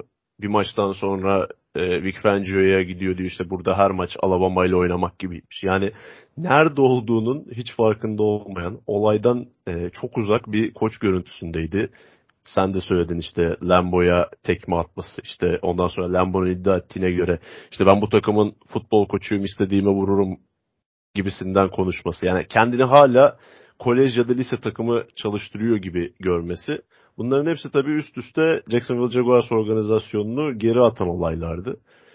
E, bu sezon en nihayetinde artık Doug Peterson gibi bir e, koçu takımın başına getirdikten sonra işte Trevor Lawrence'ın görüntüsü ortada. Yani hala tam anlamıyla Lawrence e, oldu ya da olacak diyemiyoruz belki ama en azından e, hayatından boşa geçen, kariyerinden boşa geçen bir sezonun ardından tekrar bu sezon ona çaylak gözüyle bakıyorum ben. Ve sezona da gayet iyi başladı. Bu son Philadelphia Eagles karşılaşmasında e, belli başlı hatalar yapmış olabilir. Tabii orada biraz e, hava şartlarının da ciddi etkisi vardı. E, topu tutma konusunda sadece Lawrence değil birçok oyuncunun sıkıntılar yaşadığını gördük. E, en azından şimdiki e, görüntüsü beni biraz daha umutlandırıyor gelecek adına. Yani Urban Meyer sonrası Doug Peterson'ın şöyle bir avantajı var. İşte Carson Wentz'in de işte ilk sezonundan sonrası yani aslında onu bir yere getirmişti ama ondan sonrasındaki belki çöküş yani şu şekilde kimsenin ama Andrew kökenli bir koç. İşte Brett Favre'ın 7 zamanında yedekliğini yaptı. Bir şekilde zaten Urban sonra yani organizasyonların daha önceki özellikle kötü bir ayrılık varsa ondan sonra böyle onun tam zıt yönde oradaki şey, en büyük soruna çözüm olması en azından garanti gözüyle bakılan bir birini getirmeleri çok alışageldik bir durumdur yani. Doug Peterson'ın işte oyuncu ilişkileri vesaire buna uygun gözüküyor ve en azından takımın hücum tarafında bir sürü şeyi toparlama noktasında ve yani şema ve oyun sistemi açısından çok ilgi çekici şeyler var yaptıkları. Ama Trevor Lawrence üzerinde şöyle bir artısı var bence. Yani Enderik dönemin Enderik'in bir sürü farklı koç yani o quarterback'le çalışıp onların kendine göre oyuncuların hani çok aşırı değişmeye çalışıp onlara göre ayrı yol haritaları çizerek onlara özgürlük veren bir koç olmasının yani etkisini söylemesi da gördü ve bence o yavaş yavaş o gelişim görmüş. Bence hala çok ham bir oyuncu. Yani kolejde o kadar fark etmemiştim. Bu biraz daha sonra geri dönüp baktığımda şunu da görüyorum. Yani özellikle Clemson, işte daha sonra Clemson maçları izlediğimde şunu görüyorum. Yani hakikaten işte bazı kolej takımlarının hücumları için Mickey Mouse hücumu falan diye bir laf vardır. Yani hakikaten çok basic'tir yani.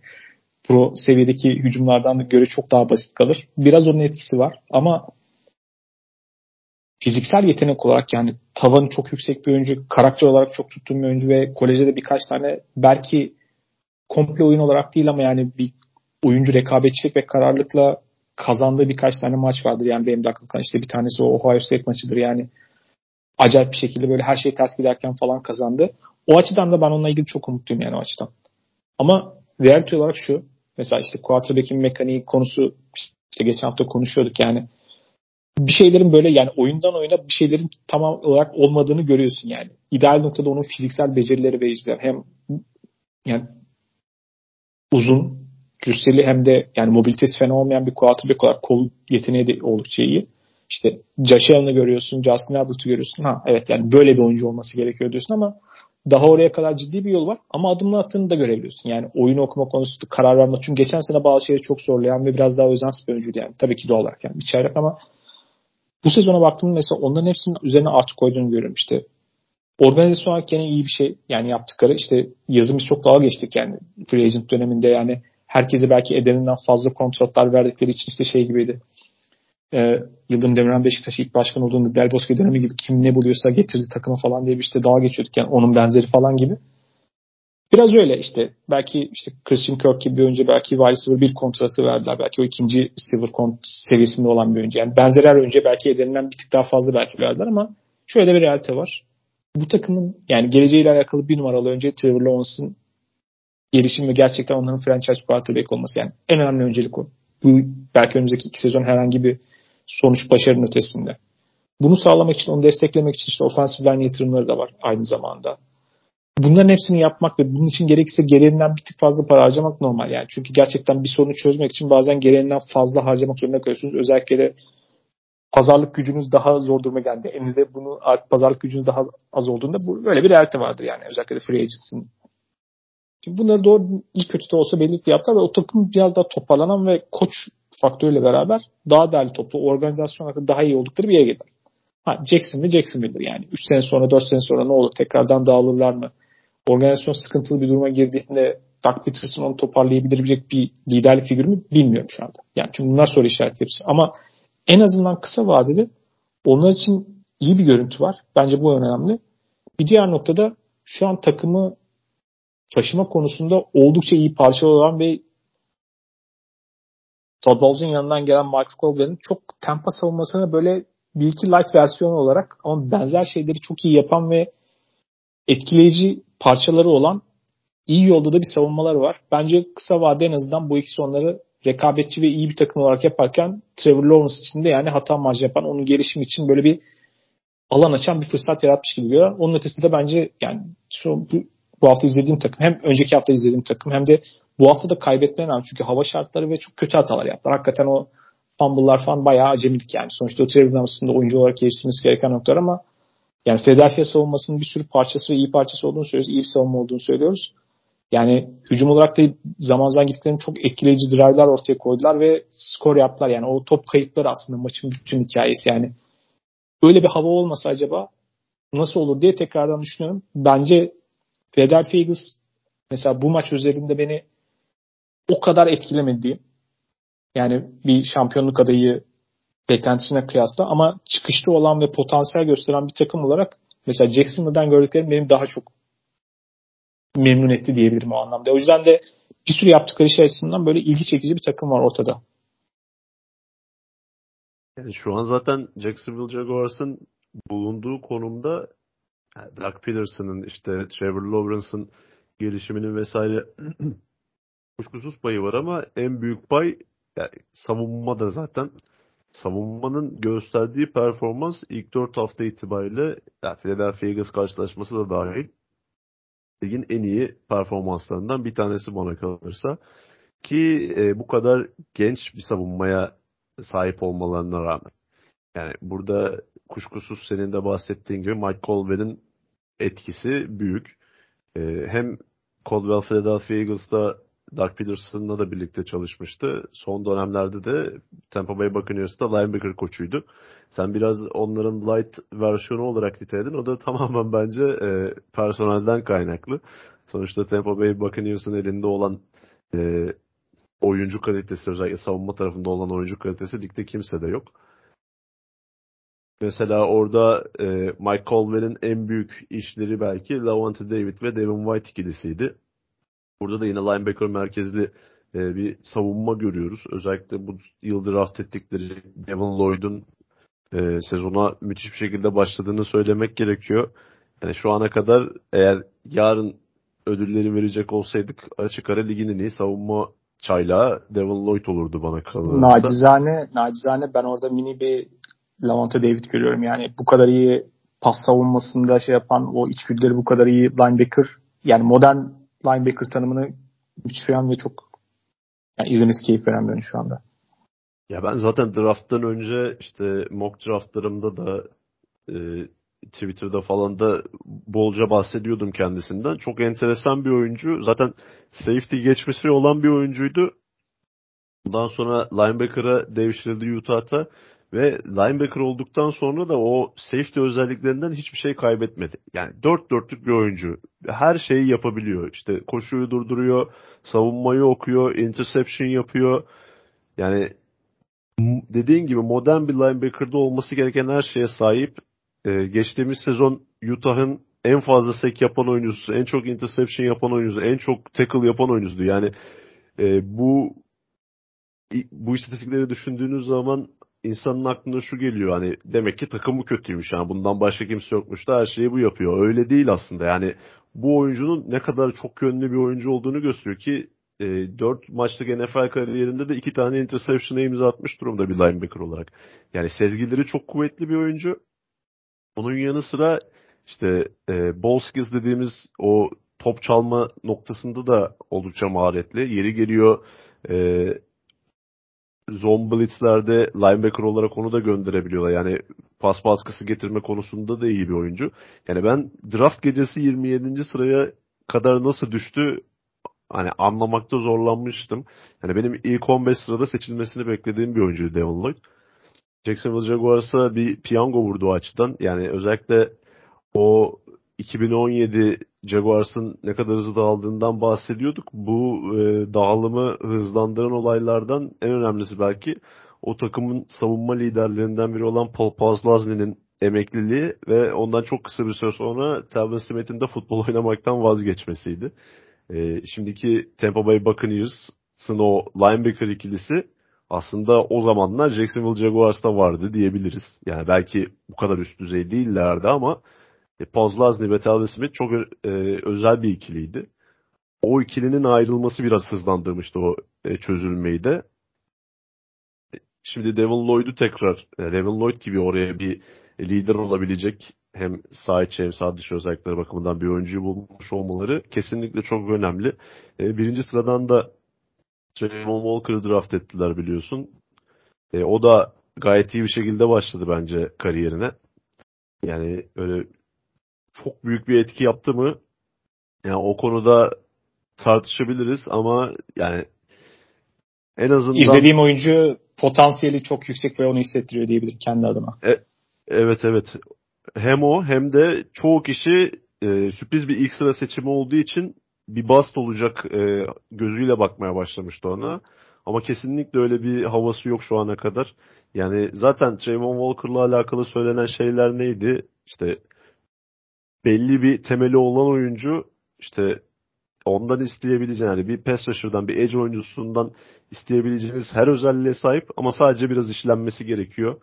Ee, biraz daha tecrübe kazanması gerekiyor. Gerçekten sahada da onu görebiliyoruz. Yani onun potansiyelini de görebiliyoruz. Zaten ya o da bahsetmişken da... o Georgia savunması öyle bir takımdı ki kimseye böyle çok gerek yani ihtiyacı olan yani ihtiyacı yok adamların yani. Daha fazlasını yapabilir ama ihtiyacı yok yani. Ya o savunmadan e, yaşı tutmayan bazı oyuncular da bu sene gelecek işte Kelly Ringo gibi falan. yani hala var bitmedi o savunma. Ama işte Trayvon Walker'ın da e, hali hazırda ellerinde bulunan Josh Allen gibi bir yeteneğe eklenip işte Devon Lloyd'un falan orada güzel bir çekirdek oluşturduklarını görebiliyorum.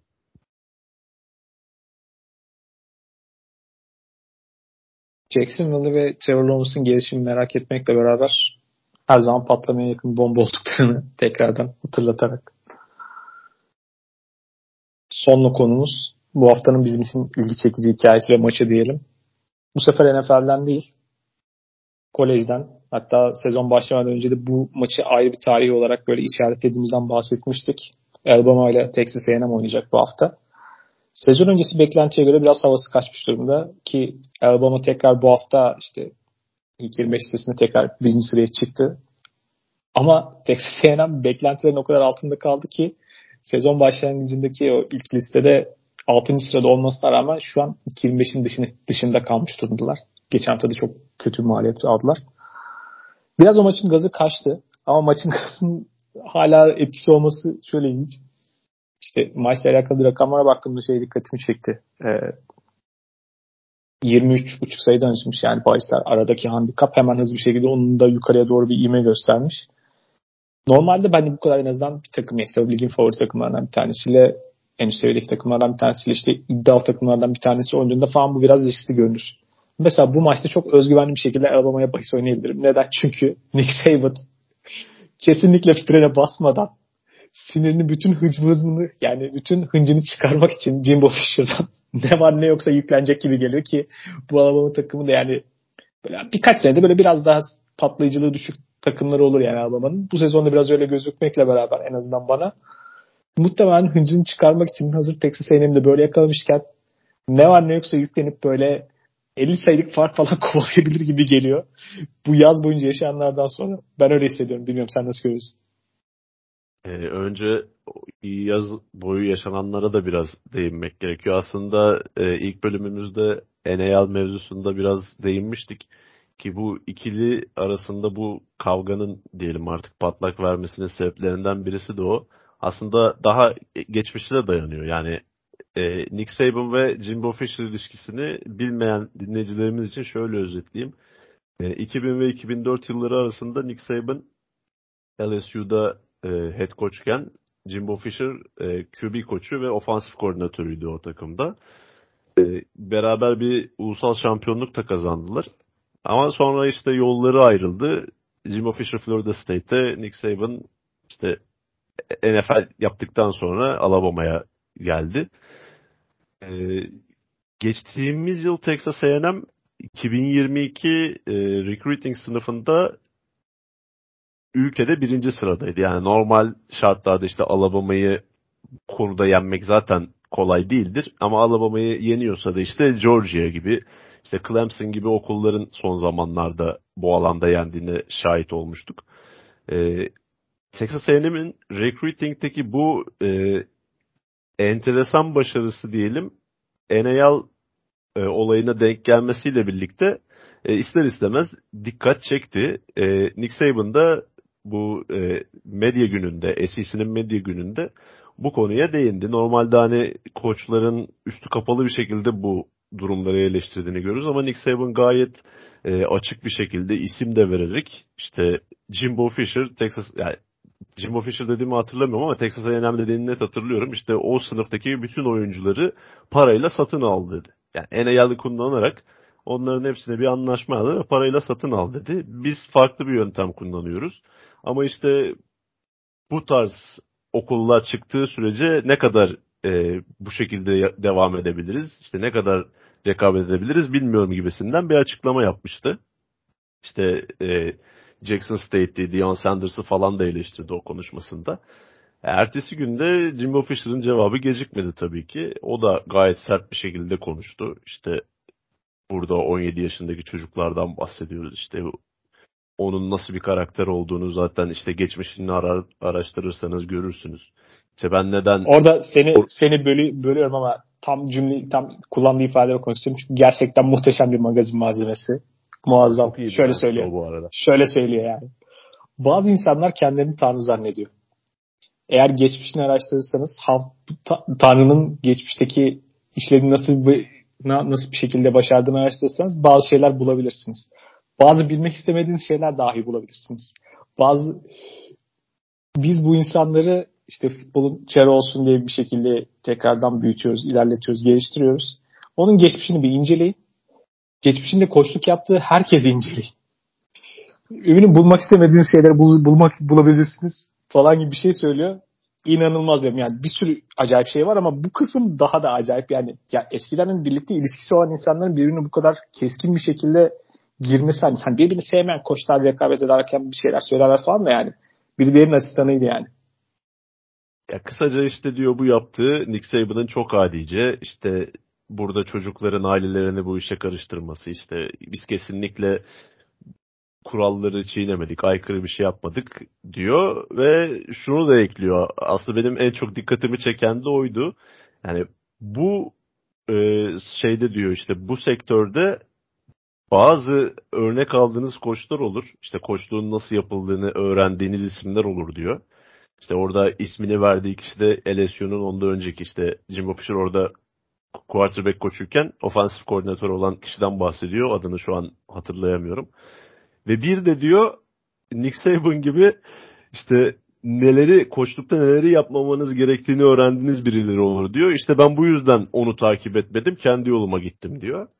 Yani o da işte üstü kapalı bir şekilde aslında e, Nick Saban'ın bu tarz e, kuralsız, e, kurallara aykırı hareketleri kariyeri boyunca yaptığını ima etti.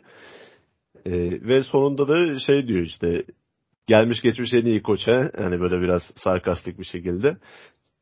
Yani öncelikle şunu söylemek lazım. Yani Nick Saban evet bu sporun yani özellikle NCAA ayağının e, gelmiş geçmiş en iyi koçlarından birisi ise buraya yani kesinlikle tamamen hani e, adil oynayarak gelmediğini hepimiz farkındayız. Yani zaten NAL'den önce de e, gizliden gizliye dönen tahmin ettiğimiz bir sürü şey var.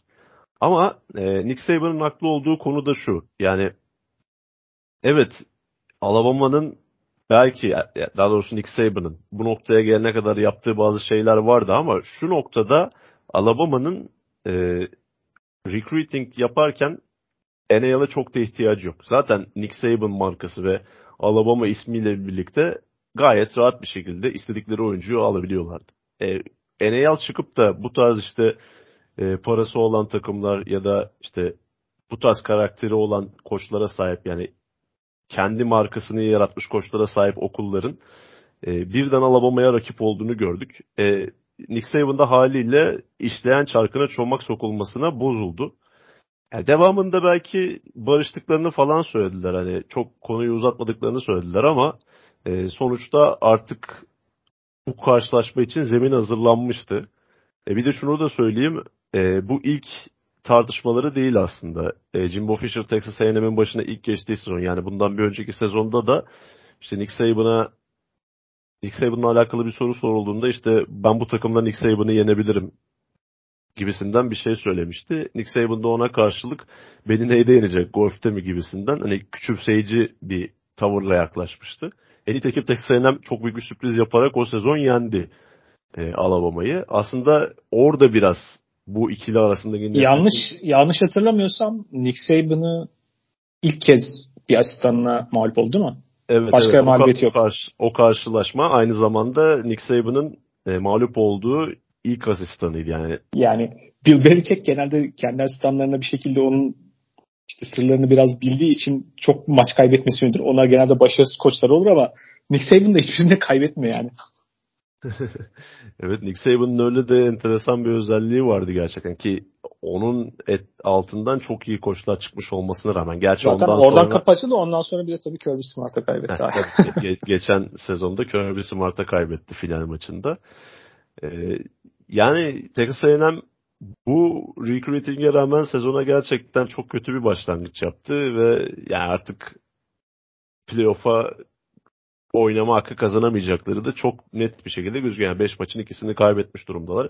Ama bu maçın tabii ki e, önemi bu iki takımın e, galibiyet mağlubiyet sayıları ya da favori olma durumları değil. Jimbo Fisher ve Nick Saban arasındaki iki senedir gerildikçe gerilen ilişki. Ee, ki bu sezonki tartışmaların ardından da e, Will Anderson'ın bir açıklaması olmuyor. Yani oyunculara da sirayet etti bu bir derecede. E, Will Anderson şöyle dedi. Yani bütün bu işte basın toplantılarını, konuşmaları hepsini gördüm, hepsini izledim. E, hepsini not aldım. Gerekli cevaplar karşılaşmada verilecek gibisinden bir gözdağı vermiş ki Will Anderson da e, şu an belki NCAA'nin en önemli oyuncusu. Yani muhteşem bir edge rusher. İşte ba- bana kalırsa Chase Young'tan sonra da lige gelmekte olan en iyi pass rusher oyuncu. E, neler olacağını büyük bir merakla bekliyorum bu karşılaşmada.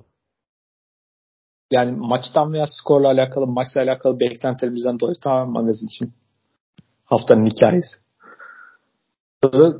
Kim Official şey almışken sana bir şey sorayım o zaman. Son kapanış noktası. Jimmy Fisher'la alakalı olarak yani geri kalan hani ben okuduklarımdan ve dinlediklerimde hep şöyle bir şey bahsediyor. Yani geri kalan belki pek çok koçtan farklı olarak daha sofistike, daha zor bir hücum oynattığı ve o hücumun işte bir sürü parçasını özellikle de quarterback'i oturttuğu anda herkesten başka bir seviyeye çıkabilen bir takımı oldu ama tabii ki yani kolej seviyesinde o kadar karmaşık şeyleri bir noktada bir yapabilecek bir quarterback bulmak, onu o noktaya hazırlamak kolay bir şey değil. Yani böyle bir şey var. Buna ne kadar katırsın? Ya bir bakıma doğru çünkü Florida State'te yakaladığı başarılara baktığımız zaman yani James Winston'ın takıma ilk geldiği andan itibaren gösterdiği performans ortada. Yani yanılmıyorsam sadece bir maç kaybetmişti James Winston Florida State quarterback iken. Yani o tarz böyle her istediğini yapabileceği bir quarterback bulduktan sonra yani gerçekten iyi bir hücum de hani hücum e, kökenli koç Jimbo Fisher. Ama tabii esas gücünü yani kolej koçlarının hepsinde bu var bence. Esas gücü recruiting yetenekleri. Yani mesela Nick Saban'ı sorsan hani Nick Saban neyi iyi yapar? İşte hücumda şunu mu iyi yapar? Savunmada bunu mu iyi yapar? diye sorsan ben sana derim ki recruiting'i iyi yapar. Çünkü e, kolej koçlarının olayı biraz da bu. Yani o iyi parçaları topladıktan sonra zaten bunların etrafında o sistemi işletebilecekleri koordinatörleri var. Yani Jimbo Fisher bir Nick Saban olmasa da e, kendi ismini markalaştırmış bir koçtur NCAA'de. Ki işte bu sezon yani bahsi geçen işte çılgın recruitment sınıfıyla beraber ki onun aslında etkisini muhtemelen önümüzdeki yıllarda göreceğiz. Bu yapıyı oluşturup oluşturacak mı ki özellikle Nick Saban'ın yenmesinden sonra her tabii ki programda bir üst seviyeye çıkabilir mi? Gerçekten sürekli playoff takım işte ilk şampiyonluk adayı olabilir miyim diye bir beklentisi var. Texas A&M için de beklenti bu. Bu sezonun başlangıcı itibariyle bayağı paramparça oldular ama yani biz magazin sebepleriyle maçı bekliyoruz diyeyim. Görkem ağza sağlık tekrardan. Yine hasta hasta NFL'deki gibi Amerikan futbolunda söylediğim gibi sakatlık, hastalık yoktur. Sadece sahaya çıkmak vardır. Görevini tekrardan yere getirdiğini hatırlatayım ben de. Aynen öyle. Geri vites yok. Hoşçakalın. Hoşçakalın.